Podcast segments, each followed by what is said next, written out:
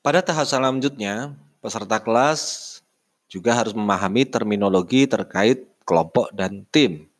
Kelompok didefinisikan sebagai dua individu atau lebih yang berinteraksi dan saling tergantung. Sementara tim adalah sekelompok orang dengan keahlian yang saling melengkapi, yang bekerja sama untuk mencapai tujuan bersama yang bertanggung jawab dengan memberikan yang terbaik. Kelompok biasanya bekerja untuk mencapai sasaran atau goal bersama.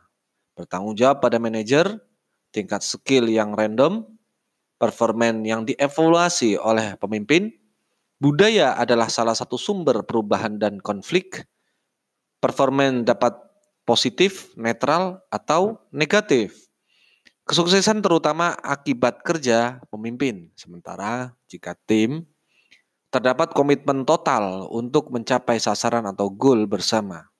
Bertanggung jawab pada sesama anggota tim, tingkat skill yang sering kali saling melengkapi, performan dievaluasi oleh para anggota dan pemimpin, budaya didasarkan pada kerjasama atau kolaborasi, komitmen total terhadap sasaran bersama, performan dapat menjadi lebih besar, dan terakhir kesuksesan terutama akibat kerja keras para anggota.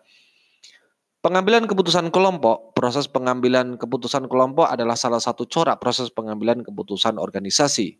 Ciri dari prosesnya ditandai dengan keterlibatan dan partisipasi dari banyaknya orang atau anggota organisasi. Dalam bahasa kita, hal ini sering diistilahkan dengan musyawarah. Sementara jika tim, biasanya mereka keputusan dilakukan dengan cara rumusan oleh para pimpinan secara strategis. Nah, perbedaan kelompok dengan tim jika kelompok, suatu kelompok yang berinteraksi untuk membagi informasi dan keputusan untuk membantu tiap anggota dalam bidang tanggung jawabnya.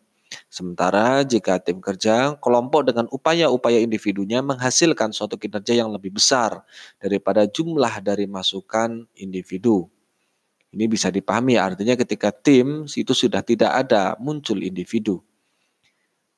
Jika ditarik ke bawah, ada beberapa klasifikasi dari tim kerja. Yang pertama adalah tim kerja yang khusus menyelesaikan masalah atau dalam bahasa taktisnya biasa disebut dengan tim urai. Kemudian ada tim kerja yang khusus mengelola diri sendiri, artinya dia berupa badan otonom. Yang ketiga ada tim lintas fungsional, artinya dia yang sebagai fasilitator antar organ-organ organisasi yang ada. Yang terakhir adalah tim virtual atau tim media maya. Tim penyelesaian masalah yang pertama jika kita bahas ke lebih dalam lagi, kelompok ini terdiri biasanya dari 5 sampai 12 orang karyawan yang bertemu setiap minggu untuk mendiskusikan berbagai hal untuk meningkatkan kualitas, efisiensi dan lingkungan kerja. Artinya untuk meningkatkan produktivitas yang ada. Kemudian tim kerja yang mengelola diri sendiri yaitu kelompok kerja yang terdiri dari 10 sampai 15 orang yang memikul tanggung jawab dari para pengawas mereka yang terdahulu. Artinya mereka bekerja untuk menyempurnakan dari segala proses dari hulu sampai ke hilir. Kemudian ada tim lintas fungsional, di mana para karyawan yang berasal dari tingkat hierarki yang kurang lebih sama atau setingkat, tetapi dari berbagai bidang pekerjaan yang berkumpul khusus untuk menyelesaikan sebuah tugas tertentu. Terakhir, tim, tim virtual merupakan suatu tim yang dibentuk yang proses kerjanya memanfaatkan teknologi informasi untuk menyatukan anggota-anggota yang terpisah secara fisik untuk mencapai tujuan bersama. Di mana tim virtual ini biasanya terdapat tiga faktor yang membedakan dengan tim lainnya atau tim yang offline. Pertama, ketiadaan isyarat para verbal dan nonverbal, artinya mereka lebih banyak bekerja dengan diam. Yang kedua, konteks sosial yang terbatas, artinya mereka biasanya tidak terbatasi, tidak bebas sebagaimana para pekerja yang berada di ruangan atau bahkan di luar ruangan. Dan ketiga, kemampuan untuk mengatasi keterbatasan ruang dan waktu, artinya karena mereka memanfaatkan teknologi informasi. Lantas bagaimana menciptakan tim yang kreatif atau team building atau bahasa lainnya ada juga yang mengatakan tim development Yang pertama, konteks. Yaitu sumber daya harus memadai, baik ini sumber daya peralatan, manusia, keilmuan, dan sebagainya. Resource-nya harus ada. Yang kedua, kepemimpinan dan struktur ini harus jelas dan teruji dan biasanya merupakan karyawan atau kader yang terbaik. Yang ketiga, suasana kepercayaan atau trust. Yang keempat, evaluasi kinerja dan sistem penghargaan.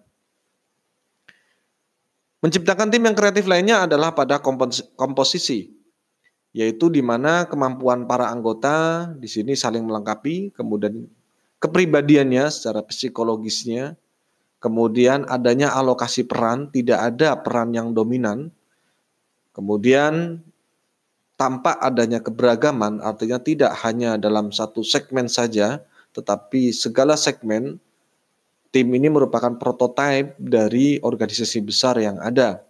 Kemudian ukuran tim Semakin dia sedikit, otomatis merupakan semakin baik pula uh, individu yang terlibat di dalamnya.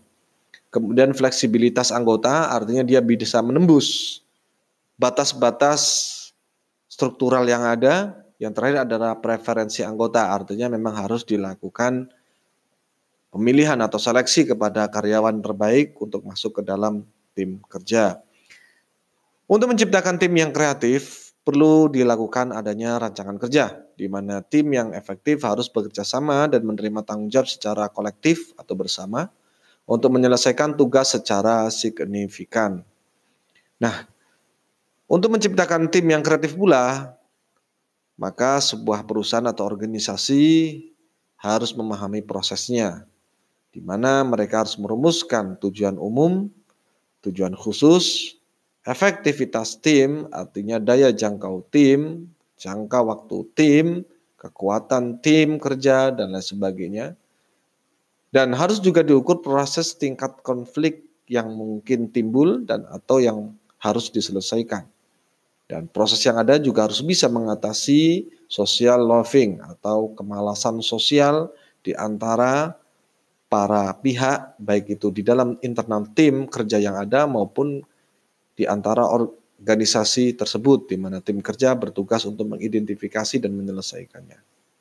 Lantas bagaimana cara mengubah individu menjadi pemain tim? Setidaknya ada tiga hal. Yang pertama, dilakukan seleksi.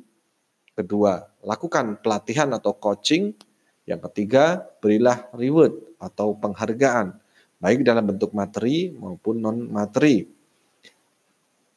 Terdapat lima kunci keberhasilan tim kerja yang pertama, tujuan yang jelas, prosedur, relationship atau hubungan. Yang keempat adalah leadership atau kepemimpinan. Demikian kuliah kita hari ini, mudah-mudahan ada manfaatnya. Dan jangan lupa untuk mengerjakan tugas sebagai presentasi kehadiran Anda di dalam pertemuan pekan ini. Lihat di kolom deskripsi tayangan ini dan selamat mengerjakan sesuai dengan tenggat waktu yang sudah ditentukan. Mudah-mudahan ada manfaatnya. Wallahu muwaffiq ila Assalamualaikum warahmatullahi wabarakatuh.